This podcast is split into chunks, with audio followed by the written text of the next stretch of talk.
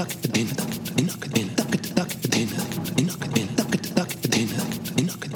we zijn hier uh, terug voor alweer een nieuwe podcast. Vandaag met de one and only Mr. Daniel der Weduwen, als ik het goed uitspreek. Of ook wel de Healthman genoemd. Welkom Daniel. Dankjewel, dag Bruno. Dankjewel dat je mij uitgenodigd hebt. Het is, het is jammer genoeg van op afstand nog altijd. We kunnen niet anders. Ja. Maar het, eh, we zien elkaar, dus dat is, eh, dat is ook al heel veel. Het is een tijdje geleden, we hebben elkaar leren kennen, een jaar of vijf geleden. Eh, Ja, zeker. dat ik nog in het fitnessgebeuren zat. Jij bent zelf een, ehm, ja, een, een, een natuurlijk, hoe moet ik het zeggen? Je bent al twintig jaar bezig met gezondheid. ja ik, heb, ik ben dus afgestudeerd in de Ayurveda. Dat is dus eh, een zienswijze waar ook een geneeskunde in zit, voedingsleer, levensstijl en zo, die afkomstig is uit India. En die bestaat eh, al vijf à zesduizend jaar. Dat was eh, oorspronkelijk volledig via ja, channeling is dat samengesteld. En van zodra dat schrift is uitgekomen, hebben dat dus op schrift gezet. En het mooie daaraan is dat dat werkt met kenmerken uit de natuur. En dat zijn dus ook allemaal zaken die eh, eigenlijk tijdloos zijn. Dus eh, de, aan de Ayurveda zit er een heel eh, fantastische psychologische relevantie, omdat deze geneeswijze dus ook met emoties werkt, met gevoelens. In combinatie ja, met, met voeding, de gemeenschap. Allee, gezondheid is eigenlijk een holistisch begrip. Ja. En nu ben ik mij aan het verdiepen in de Germaanse geneeskunde. Dat is ook zoiets boeiend. En het meest boeiende van de Germaanse geneeskunde is, eh, dat is een zienswijze die juist de angst wegneemt. En dat is nu fantastisch in deze tijd met de corona. Angst wegnemen. Ja. En zodra de angst weggenomen is, kun je weer jezelf zijn. En, en dat is wat dat je lichaam juist nodig heeft. Maar als je in de angst zit, eh, dat, dat werkt zo stoppend op jou.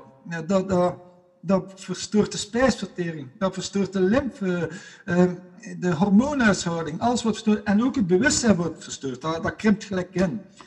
Angst is letterlijk eh, na, na stress en eh, emoties echt een grote ziekmaker. Ja, dat weet ik. Ik moet eventjes eh, lachen, want je had gezegd in het begin van het gesprek, ik weet niet of ik wel over voldoende zal kunnen spreken, maar je hebt vo- voorlopig al eh, heel veel gezegd. Ah, heb ik al veel Dus dat gezegd, ja. Daar ben ik al goed op dreef, inderdaad. Nu, Daniel, je weet dat eh, een beetje de podcast draait, draait rond, eh, rond positiviteit. En dan meer specifiek hoe jij tegenover positiviteit staat. En, en ik vind het wel interessant dat je, dat je nu net begint over angst. Want ik denk dat angst net een hele grote tegenpool is, ook van positiviteit. Want ik denk niet dat je positief in het leven kunt staan als je, als je angst hebt. Dus ik ben daar volledig met je eens. Ehm desalniettemin heb je, heb je we weten allebei, denk ik, dat angsten proberen te vermijden of op te lossen. Maar heb je zelf nog angsten? Of heb je die angsten op een of andere manier kunnen verbannen? Of, of hoe heb je ermee omgegaan? Ja, eh, ik ga eerlijk toegeven, toen ik jonger was, ja, zat ik ook onder angsten. Ik heb ook doodsangsten gehad in mijn leven, ja, echt in het gevaar gezeten. Dan ook de angsten van eh, onzekerheid, ja. Onzekerheid, eh, dat creëert twijfel en twijfel is de voedingsbodem van angst. Dus eh, ik ben natuurlijk ook geconditioneerd door allerlei maatschappelijke patronen die ook niet echt heel vriendelijk zijn om je eigen kracht te vinden. En één ding wil ik wel heel duidelijk stellen, dat heel belangrijk is. Wij mensen worden geconditioneerd dat we onze levensenergie eerst aan een ander moeten geven om een ander te helpen. Terwijl een natuurwet eh, zegt dat jouw eigen persoonlijke energie die je van de, bij de geboorte hebt gekregen, is alleen maar bestemd voor jou. Maar als je in de angst zit, ja, dan heb je natuurlijk ook niet echt contact met wie dat je bent. En dan ga je natuurlijk heel makkelijk je energie gebruiken om je zogezegd te beschermen tegenover hetgeen waar je bang voor bent. Maar natuurlijk, dat houdt ook in, je aandachtsenergie gaat er naartoe. En er is zo'n gezegd die zegt, daar waar je bang voor bent, trek je juist aan. Mhm. En dat is dus ook zo. Dat, dat zijn principes uit eh, aantrekking, dat zijn universele wetten. En ondertussen gaat die angst jou beginnen verzwakken. Want je, kunt u, je hebt geen beschikkingen over je eigen energie. Angst is letterlijk iets, het sluit jou op in hetgeen dat jij niet bent. Dat is eigenlijk angst. De tegenpool eh, van angst, de echte tegenpool van angst, is liefde. De onvoorwaardelijke liefde, dus zonder verwachtingspatronen. Mhm. Veel mensen denken uh, dat uh, tegenovergestelde van liefde dat dat haat is. Maar dat is niet volledig waar. Want haat is het gevolg uit angst. Kijk, als je van iemand bang bent, dan ga je de impuls krijgen om degene waar je bang van bent, om deze persoon ook te gaan haten. Maar als je niet bang bent en je staat in je kracht omdat je gewoon liefdevol bent, dan kun je niemand haten. Dus angst is letterlijk de tegenpool van liefde. Ja. Okay. Dus dat zijn polariteiten. Ja, ja. En zou je ook kunnen stellen dan dat, dat angst er ook voor zorgt dat we soms heel veel een, een muur rondom ons bouwen om ons te beschermen, zo gezegd? Ja, ja dat, dat, dat gebeurt algemeen. Maar uh, die, die angst zorgt ervoor dat je je eigen waarheid, dat je daar geen toegang aan krijgt. Waardoor dat je dan natuurlijk heel gemakkelijk alles wat van buitenaf komt, oppakt. En uh, dat is meestal misinformatie. Uh, dan wordt dat ook dikwijls verkeerd geïnterpreteerd door jezelf. En dat zorgt er juist voor dat je nog meer de draad kwijtraakt.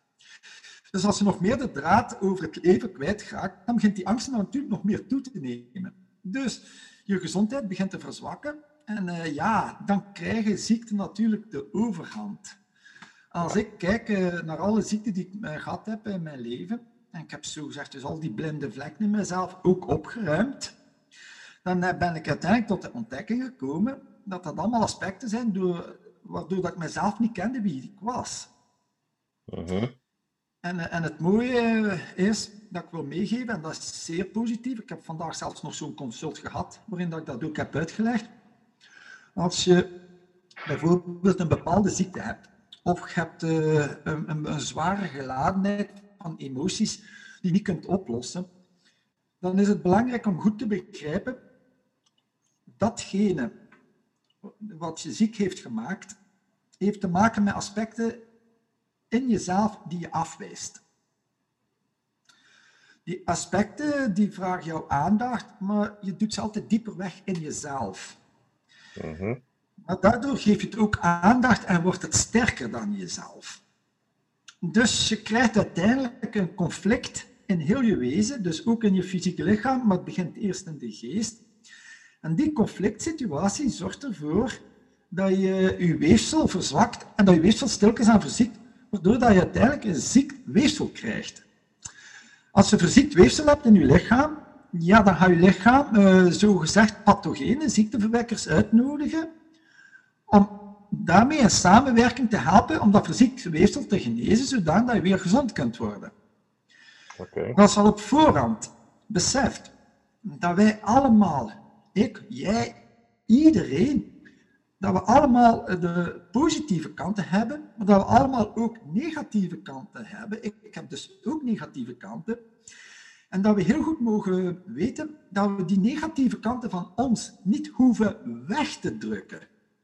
Maar gewoon te accepteren in de zin dat je ze eigenlijk gaat samenvoegen met je positieve eigenschappen. Okay. Want als je iets dieper gaat in die polariteiten, de grote waarheid is dat het negatieve eigenlijk niet zonder het positieve kan. Omgekeerd ook. Voor het positieve kan ook niet zonder het negatieve. Dus die polen die staan lijnrecht tegenover elkaar, maar Beetje zoals toch die- kunnen beetje ze niet zoals- zonder elkaar. Beetje zoals de yin-yang. De yin-yang, inderdaad. De, je ziet, de Chinezen waren nog zo dom niet, hè? nee, maar eh, het, is, ja, het is inderdaad het yin-yang symbool, maakt dat wel heel duidelijk. Maar Ja. dat is eh, toepasselijk op alle gebieden. Kijk, ik ga een ander voorbeeld geven dat ook met tegenpool eh, te maken heeft. Kijk, bijvoorbeeld koud en warm. Het zijn ook twee tegenpolen. Hè? Als je echt wilt weten wat warmte is, om daar ten volle van te genieten, ja, dan is het wel belangrijk dat je eerst een keer goed kou hebt gehad. Snap je? Ja, ja, ja, ja, dat snap ik heel goed. Ja. Ja. Maar, maar als jij bijvoorbeeld eh, jouw eigen goede eigenschappen eigenlijk ten volle wilt ervaren, eh empirisch dat dus wilt zijn, op basis van ervaring, je eigenschappen leren kennen, dan heb je ergens je negatieve eigenschappen ook nodig. Mhm. Maar als je die gaat wegduwen, dan gaan zij jou overheersen en dan kun je die positieve niet naar buiten laten brengen. Oké, dus het is een soort balans die je moet vinden. Ja, ja, ja, balans. Het gaat innerlijke rust. Hè. En dat probeer ik aan alle mensen te uitleggen, zeker ook als consultant geef. Hè. Ik probeer aan de mensen uit te leggen, innerlijke rust heeft te maken dat zowel jouw positieve eigenschappen als je negatieve eigenschappen met elkaar verbonden zijn en dat je daarin dus evenwicht, dus een balans hebt gevonden. Want uh, we moeten ook bedenken, uh, dat is wel mooi en gemakkelijk te onthouden. Probeer te onthouden dat de duister, dus uw negatieve kant, dat is uw duisterkant, heeft eigenlijk altijd de gratie gekregen van het licht om beschenen te worden. Dus met andere woorden, het licht kan het duister uh, beschijnen. Het licht kan de schaduw beschijnen. Maar omgekeerd gaat niet. En als je dat onthoudt en je kunt al je negatieve aspecten van wie dat je zelf bent, je weet het, in plaats van ze weg te duwen, gewoon in het licht van je eigen goede eigenschappen te plaatsen, dan krijg je gewoon rust. Want dan ben je ook in staat om je aandachtsenergie, en vooral ook het bewuste aandachtsenergie, ten volle te gebruiken op je goede eigenschap en deze tot uitdrukking te brengen. Ja, ja dat klinkt, uh, zo had ik er nog nooit over nagedacht. Ja. Klinkt plausibel zou ik zeggen, maar, uh, maar denk je dan ook... Is, maar ja. Ja, ja, maar dat, dat, is, dat is uiteindelijk de bedoeling van dat gesprek hier. Hè? Dus het, het mag, het mag. ja, zeker, zeker. Wat denk je dan? We zitten nu inderdaad in zo'n speciale situatie, over, over Hans de wereld wel, mag je zeggen. Uh, de een kan er zich beter tegen wapenen dan de andere. En het negativisme of, of de, de angst dan is een hele grote factor hier. Wordt dus ook ingelepeld door de, door, door, de media, door, door de overheid wel een beetje ook. Um, ja. Is er een manier waarop je zegt van kijk, ik kan mij daar toch op een of andere manier tegen wapenen of, of, of daar um, beter mee omgaan? Maar kijk, eh, ik, ik ben niemand die natuurlijk op uh, zelfonderzoek gaat. Dat is, ja, als ik mijn leven overschouw, dat heeft mijn redding geweest. Zelf op onderzoek gaan. Uh, zelf op onderzoek gaan hoe dat mijn lichaam werkelijk functioneert. Uh, hoe dat alles in elkaar zit. Dan ook op metafysisch vlak, dus dat zijn dus de emoties hoe dat die verbinding is met het lichaam. Hè. Dus ik ga het heel eenvoudig uitleggen. Het lichaam volgt altijd de bevelen van de geest. Mm hè. Maar de geest heeft het lichaam nodig om zich te kunnen definiëren. Ja, Dus als je dat al begint te begrijpen, dan weet je dat emoties sowieso een impact hebben op je welzijn, op je welbevinden. Mm maar vanuit ons maatschappelijke systeem, eh, en zeker vanuit de geneeskundige modellen, de reguliere geneeskundige modellen, wordt daar allemaal niet te veel aandacht aan gegeven. Ze hebben gewoon artsen die het menselijk lichaam bekijken als een zak moleculen. En als er ergens een molecuulje ontbreekt, wordt er molecuulje aan toegevoegd. En dat is volgens hun de geneeskunde. Ja, ja. En voor de emoties hebben ze een tweede soort artsen uitgevonden. En dat zijn de psychologen. Ja. Maar ik ben iemand die uh, zowel de moleculen van het lichaam samen met de psychologie verbindt. Ja. Waardoor dat ik de meerwaarde kan aanbieden. Ja. En dat is zo belangrijk. Want, uh, als je een persoon hebt en die heeft een probleem, die heeft dus een fysiek probleem, heeft een ziekte bijvoorbeeld, maakt niet uit, dan is het zo belangrijk om naar het verhaal van de persoon te luisteren. Mm Want achter die ziekte, weet ik, zit er altijd een emotioneel aspect. En door een dialoog te gaan, dus daarmee bedoel ik dat ik eerst luister, of dat jij eerst luistert, zodanig dat je iets kunt weten over de persoon zelf, dan krijg je een beter beeld hoe dat die ziekte zou kunnen ontstaan zijn. En dan ga je samen op zoek naar die psychologische oorzaak van ziekte. En je ja. tracht die dan op te lossen. Ja. En dan natuurlijk ontdek je met een tijd, ja, uh, eigenlijk het werk dat ik doe, dat zijn enorm veel uh, problemen die inderdaad gerelateerd zijn aan angst. En angst is inderdaad gebrek hebben aan kennis. Dus uh, het uh, niet verspreiden van de juiste kennis is de grootste oorzaak van al de miserie die wij hier kennen op aarde. Dus echte waarheid wordt eigenlijk uh, verborgen gehouden en de waarheid wordt omgedraaid in leugen en die leugen wordt continu verkondigd. Ja, dat, ja. daar zit En er wel je- iets in. Ja, als je dan niet weet hoe dat alles precies werkt in je lichaam, ja, hoe moet je dan uit die labyrint geraken? Ja, ja. Maar we- weet je wat, eh, er is ook een punt wat, dat, waar ik nu zelf over aan het nadenken ben. Ehm, zoals je een beetje weet, heb ik eh, een jaar erop zitten van de vijftal operaties die ik Ja, gehad ja. heb. Ik heb eh, vorig jaar door het, eh, het oog van de naald eh, gekropen na, na Ja, inderdaad.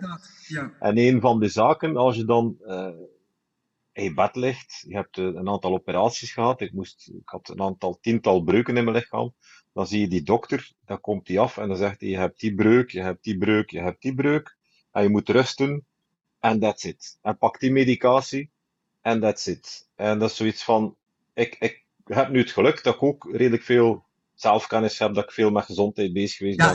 Ja, Maar dan weet ik van, ja, me- me- waarom zeggen ze niks over de voeding die je moet nemen? Waarom zeggen ze niks over de mentale, want je zit mentaal zit je in een zware put als je, als je een accident ja, dat is wel. En je moet je daar bij wijze van spreken zelf weer uittrekken. Hè? Eh, Ja, maar niet ja. iedereen kan dat natuurlijk. En dat, dat vond ik ook zoiets van, waarom geven ze geen, geen, geen soort totaalpakket van, kijk, als je wilt genezen, dan moet je die en die en die en die stappen doen, maar het gaat effectief gewoon van, je hebt die operatie gehad, je hebt die breuk, en je moet rusten. En that's it. En dat, That's dat it, vond ik, dat, eh, Ja, kijk, eh, ik begrijp je heel goed, Bruno, maar voor, eh we verder gaan, eh, moeten we eerst nog één punt zeggen. Dat is ook belangrijk. Kijk, onze medische wetenschap, onze reguliere geneeskunde, heeft dus eigenlijk één positieve eigenschap. Eh, en heeft wel een grote waarde. Onze geneeskunde is wel in staat om levensbedreigende, dus acute zaken, daarbij mensenlevens te redden. Dus daar kunnen we de geneeskunde wel dankbaar voor zijn. Maar langs de andere kant eh, nemen ze dus inderdaad niet de tijd eh, om een eh, gesprek aan te gaan met de personen die ziek zijn, of gelijk in jouw geval, die een, een ongeluk heeft meegemaakt. En langs de andere kant zijn ze de eerste om dan de symptomen die het lichaam creëert, om te herstellen, om dat te zien als ziektesymptoom dat moet bestreden worden. En, en daar heb ik het natuurlijk heel moeilijk mee, omdat ik weet dat die ziektesymptomen eigenlijk dus de helingssymptomen zijn van het lichaam. En als je die bestrijdt, dan bestrijd je automatisch het zelfhelend vermogen van je lichaam. En wat gebeurt er dan? De patiënt zelf, die verliest dan zijn vertrouwen in haar, in zijn of haar eigen lichaam. klopt. Maar ik zeg ja, ik heb er juist gezegd, de geest eh, heeft het lichaam nodig om zich te kunnen definiëren. En het lichaam heeft de geest nodig om zijn bevelen op te volgen. Maar als uw vertrouwen is geschonden ten opzichte van uw lichaam, omdat uw lichaam eigenlijk helingssignalen geeft, en ze worden door je verkeerde informatie geïnterpreteerd, dat uw lichaam jou precies ziek maakt, dat dat uw vijand is, dan heb je automatisch in het onderbewuste een negatieve innerlijke dialoog naar je lichaam. Dan kan je lichaam zich niet herstellen. Ja, dat klopt. Ja, dan ga je in een soort visuele cirkel naar beneden. Ja, ja. En dat vind ik juist zo misdadig van onze reguliere geneeskunde. Dus Ja. naast de positieve zaken, dat is dus gelijk bij auto-ongelukken of bijvoorbeeld brandwonden, daar, daar is onze geneeskunde ook heel sterk in. Daar, daar kan ik alleen maar mijn hoed voor afdoen. Ik, voor die artsen, die me passie, die mensen een levens redden, daar heb ik mijn volste respect over. En ik ga zeker geen steen gooien naar geen enkele dokter, maar ik heb het over hetgeen dat erachter zit. Ja, En, en- daar, daar hebben we dus ook het punt, zoals er juist gezegd hebt, de voedingsleer. Jij ligt in het ziekenhuis, wat voor voeding krijg je? Terwijl dat je voor het genezen van een botbreuk, ja, dan heb je wel krachtvoeding nodig. En wat krijg je? Een boterham met wat confituur en een tas koffie. Heel juist. Ja, Ontsteek, ja, je, je, moet in principe ontstekingsremmende voeding nemen. Hè? Dat het, allee, maar zit met heel veel, allee, ik in ieder geval zat met heel veel ontsteking in mijn lichaam, want het waren zware Ja, ja. operaties. En dan krijg je inderdaad suikers. eh dan krijg je eh, dat, dan dat- nog eens geraffineerde suikers. Hè? geraffineerde suikers. Ja, dat, dat je, suikers die zijn niet erg, maar die geraffineerden die zijn slecht. en, als, en als je dan nog zegt tegen de verpleegster, want ik doe al, ik doe al ondertussen twee jaar en een half aan intermittent fasting, waar ik ook Ja, ja, ja. heel veel, heel veel deugd van heb. En als je dan nog zegt van ik eet geen ontbijt, dan krijg je nog verwijten achter je hoofd. omdat je geen suikerde witte boterhams wil eten met confituur. Dat, uh, dat, is, dat, is, als je dat probeert uit te leggen aan de verpleegster, dan, ja, die snappen het niet. Uh, maar je kunt die verpleegsters ook uh, niet... Nee, nee, nee, nee, nee. Die hebben die kennis ook niet meegekregen in hun opleiding.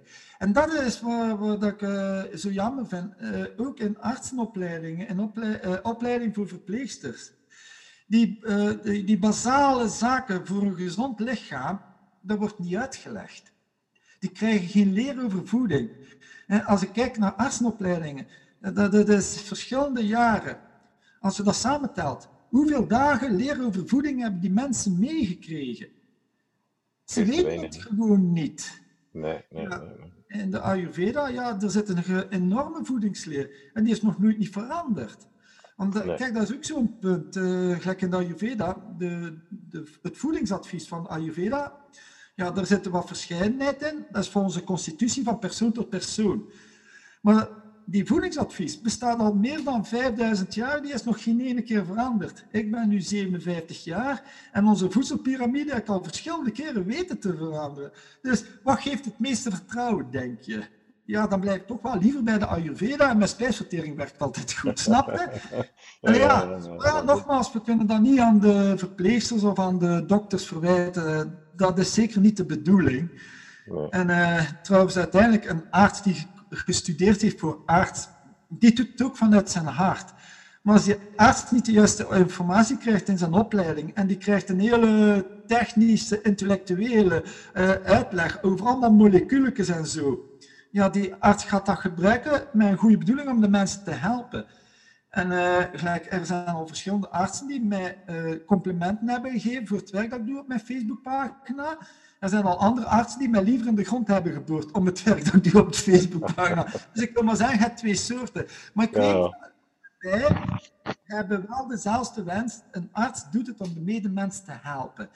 En, ja. en dat is belangrijk om daar ook de aandacht aan te geven. En ik ja. probeer ook met iedereen een dialoog aan te gaan. Als ik merk dat het naar een monoloog gaat, dan haak ik wel af. Want daar wil ik daar ook mijn energie niet in steken. Nee, Trouwens, dat is ook niet meer positief. Nee, nee, nee, nee. nee, nee. Uh, om, om het nog een keer een aspect van de voeding, waar, waar, ik denk dat je ook wel achter staat, en dat ik ook wel het gevoel heb, nu de, zeker de laatste jaren, is dat je met goede voeding, dat je ook je geestestoestand kunt bevorderen. Of dat je kunt leren positiever zijn door een goede voeding te, ja, ja. op te nemen. Ja, inderdaad, Bruno. En uh, dat is eigenlijk vice versa. Maar bij mensen die enorm afgedwaald zijn uh, van uh, de existentie, dus als de zijnstoestand, is wel het emotionele het startpunt om mee te beginnen. Want uh, kijk, als mensen volop in de stress, in de angst, in de onzekerheid, dat ze zorgen maken, in de twijfel zitten, en je begint aan de voeding te werken, zonder dat je eerst die zaken pakt, begrijp dat heel dat emotioneel stuk, dat is het limbisch systeem. Hè? Daar zit dus alles opgeslagen, je herinneringen, je conditionering, dat zit er allemaal opgeslagen. Als, dat, als je daar geen inzichten over krijgt, hoe dat functioneert, dan kun je het beste voedsel eten dat je wilt, maar hetzelfde emotioneel systeem gaat ervoor zorgen dat je spijsvertering niet werkt.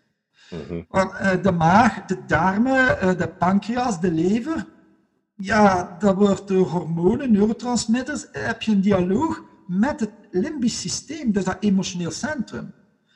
Dus door eerst de persoon uh, zijn naar, zijn naar zijn of haar verhaal te luisteren, uh, zodanig dat je die persoon een beetje wat rust kunt geven, dan kan er in de spijsvertering van die persoon ook wat rust gecreëerd worden.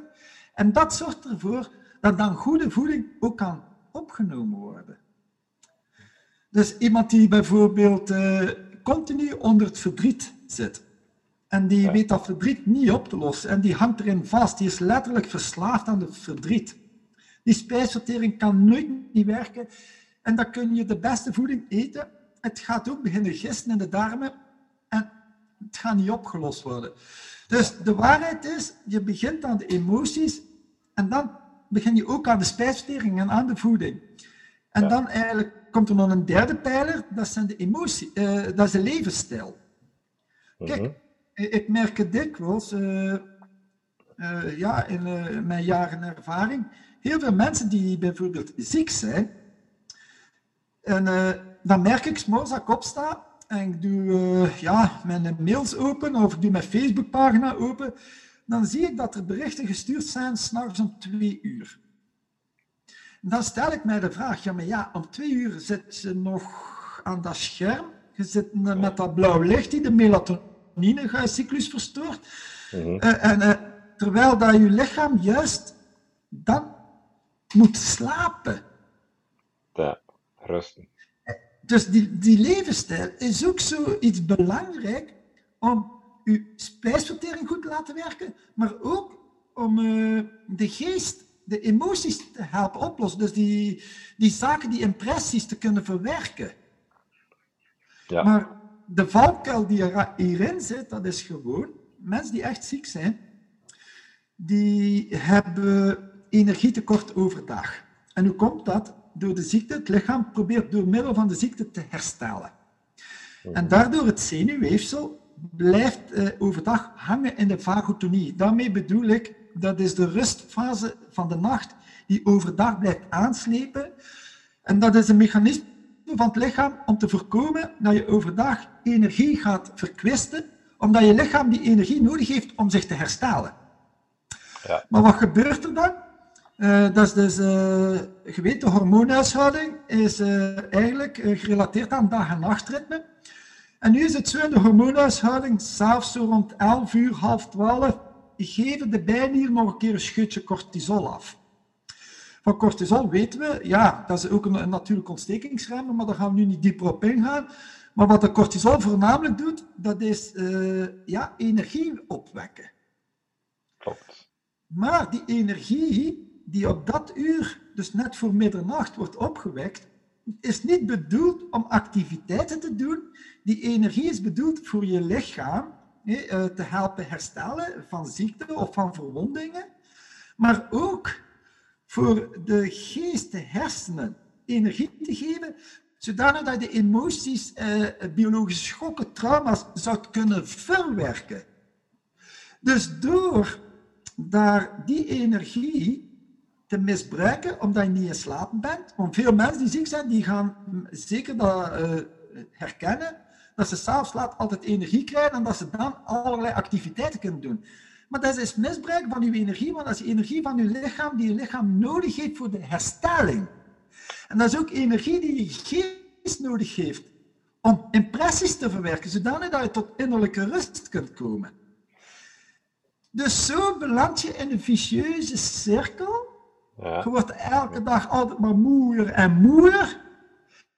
En zelfs krijg je wat energie, dan doe je dagdagelijkse taken. Uw dag ga je verlaten naar de nacht. En de nacht neemt ons volledig uw dag over. En dan is alles, maar ook alles, uh, dus uh, de, alle metabolische processen, stofwisselingsprocessen, celdeling in uw lichaam wordt daardoor continu verstoord. Zo kan uw lichaam nooit niet herstellen.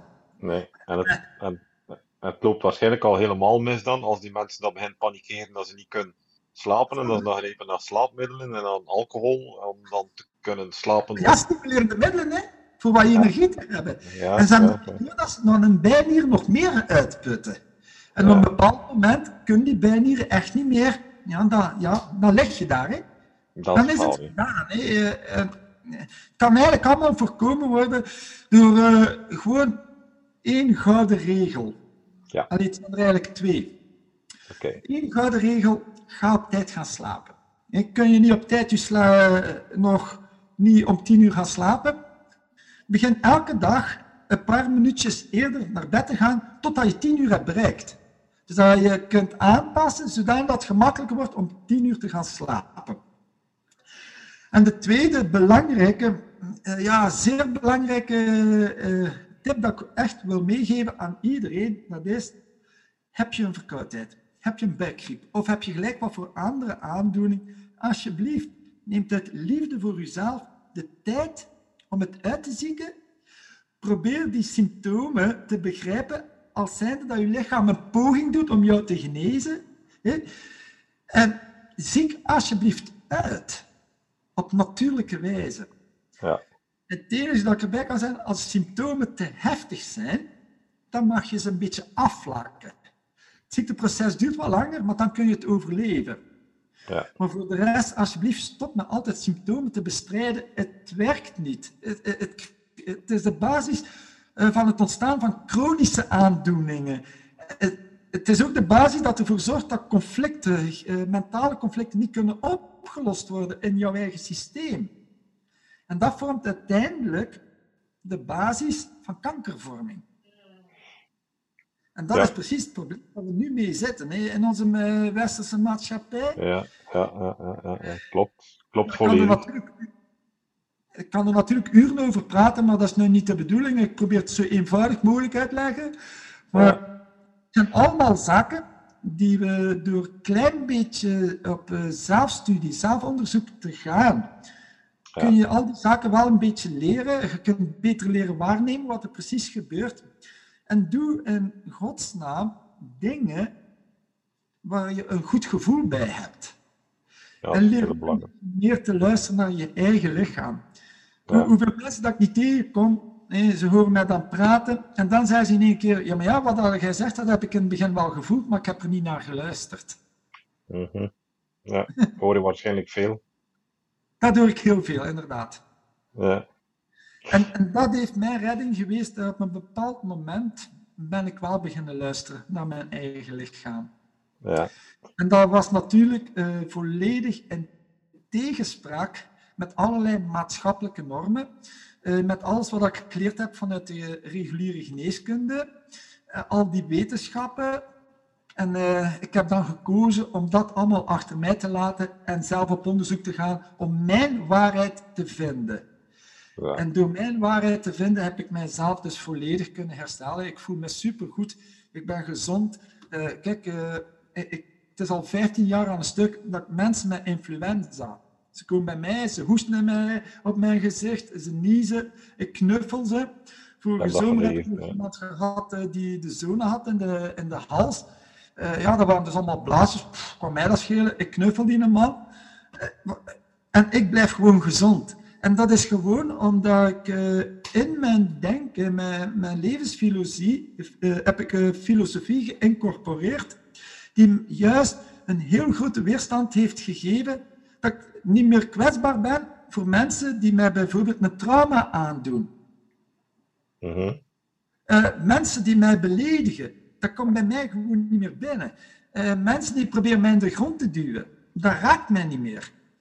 Dus dat is de filosofie in mijn hoofd. Dus daarmee uh, wil ik zeggen, dat is eigenlijk waarmee dat we begonnen zijn. Ik ben niet meer afhankelijk van wat een ander denkt of zegt over mij. Ik ben afhankelijk van wat ik denk en zeg over mijzelf. Dus dat betekent dat ik mijn levensenergie, die ik bij de geboorte heb meegekregen, ook voor mijzelf gebruik. Ja. En zo kom ik natuurlijk in uw volle kracht. En dan ga je automatisch ook kiezen om jezelf op de eerste plaats te stellen. Ik sta me inderdaad op de eerste plaats. En dat heeft niks te maken met egoïsme. Integendeel. Want door mijzelf op de eerste plaats te stellen, kom ik in mijn eigen kracht. Mijn uitstraling wordt groot. De mensen zien dat niet direct aan het fysieke, altijd, maar ze voelen dat. Wow, die heeft energie. En daardoor stellen ze aan mij de gerichte vragen. En doordat ik in mijn kracht ben, kan ik ook juist antwoorden op die vragen. En daarmee kan ik die mensen juist heel goed helpen. Als je niet in je kracht staat, dan trek je altijd energiezuigers aan. Dat is een hele, hele, mooie, hele mooie opmerking. Ja, ik moet er even over nadenken, want ik kom dat ook inderdaad heel veel tegen in, uh, in mijn leven. Zou, ah, zou het eventueel een, een goede conclusie zijn ook, dat we misschien meer moeten teruggaan naar onze eigen logica?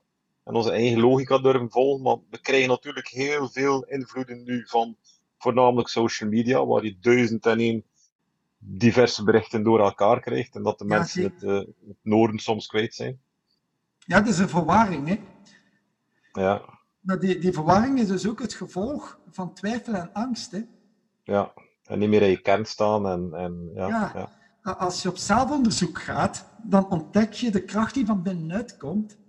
En, en dan ontdek je je eigen waarheid. Dus je, je, je gaat dat eigenlijk als je eigen kennis vasthouden je gaat jezelf leren vertrouwen en dan kun je letterlijk door het bos de bomen weer zien staan. Ja. Daar gaat het in het leven om. Ja, ja, ja. ja, ja. Ze zijn zo onzeker en ze gaan altijd bij iemand anders gaan vragen, hoe doe jij dat en dit en dat, maar die persoon is dus ook niet zeker. En, en dan hoor je allemaal tegenstrijdige berichten. Kijk, eh, weet je, weet je wat dat ook zo mooi is? Hè? Bijvoorbeeld in de wetenschappen, de reguliere wetenschappen, als je er heel op diep op ingaat, dan kun je continu contradicties uh, spotten. Zelfs op het nieuws, het dagelijkse nieuws. De ene dag zei ze het zo en de andere dag zei ze het weer anders. Klopt. Maar in de Ayurveda bijvoorbeeld, of in de Germaanse geneeskunde, er zit dus ook een logica in die logisch is, maar je vindt geen contradicties. Je vindt geen tegenstelling. Dus het heeft wel een psychologische relevantie die je intuïtief kunt voelen. Mhm. en, en dat is zo waardevol. Ja. Dat waren uh, een hans aantal waardevolle tips. Ik, uh, ik denk, ben, er zeker, ben er zeker van dat we nog uren en uren zo kunnen doorgaan. En misschien Ah, ja, moeten, ja. We er, moeten we er nog een keer eh, een vervolg aan, uh, aan kleven. Dat is een Ehm, mooi idee, hè? Ik ga dat heel graag doen.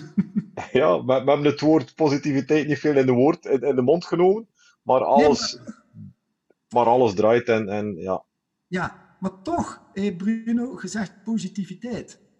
Maar als je voelt dat de angst kan weggenomen worden, dat is toch wel het meest positieve dat wij aan de mensen kunnen geven. uiteraard, uiteraard. Dat is, dat is een positief effect ervan dat je kunt, eh, Tuurlijk, ja. dat je kunt ervan krijgen. Ja.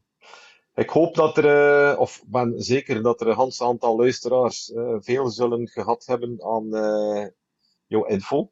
Waarvoor dank. Heel wat graag kunnen de mensen die meer over jou of met jou in contact willen komen, is dat best via Facebook of via je website? Eh, ja, ze kunnen op mijn Facebookpagina kijken, gewoon op mijn naam. En eh, ook op mijn website. Ik heb dus ook een website, dus dat is de Helpman met mijn naam erbij. Dus www.danielderweduwe.bw. Dat is eenvoudig, dan vind je mij ook altijd. Maar Bruno, ik ga ook eerlijk zeggen, eh, ik weet dat je zaak hebt, eh, dat je ook zelfstandig bent. Het is niet de bedoeling dat je klanten afsnoept. hè. Dus dat is niet de bedoeling van de podcast. hè. Eh, Nee, maar ik zit, ik, zit, ik zit ondertussen in een hans andere branche, Daniel. Ik, doe, ik Ah, ik, ja. voor Starters Labo, dus ik moet daar totaal niet mee in zitten. Ik heb... eh, Ah ja, ja, ja. Want ik wil natuurlijk collegiaal blijven, maar eigenlijk Nee, nee, nee, nee, nee, nee, nee, nee, nee, nee. Nee, nee. En uiteindelijk, allee, als de mensen geholpen worden, en, en ik ben zeker als ze jouw raad opvolgen, want ik heb zelf al een ganz aantal van jouw zaken eh, die mij geholpen hebben, bij, bij mijn revalidatie ook.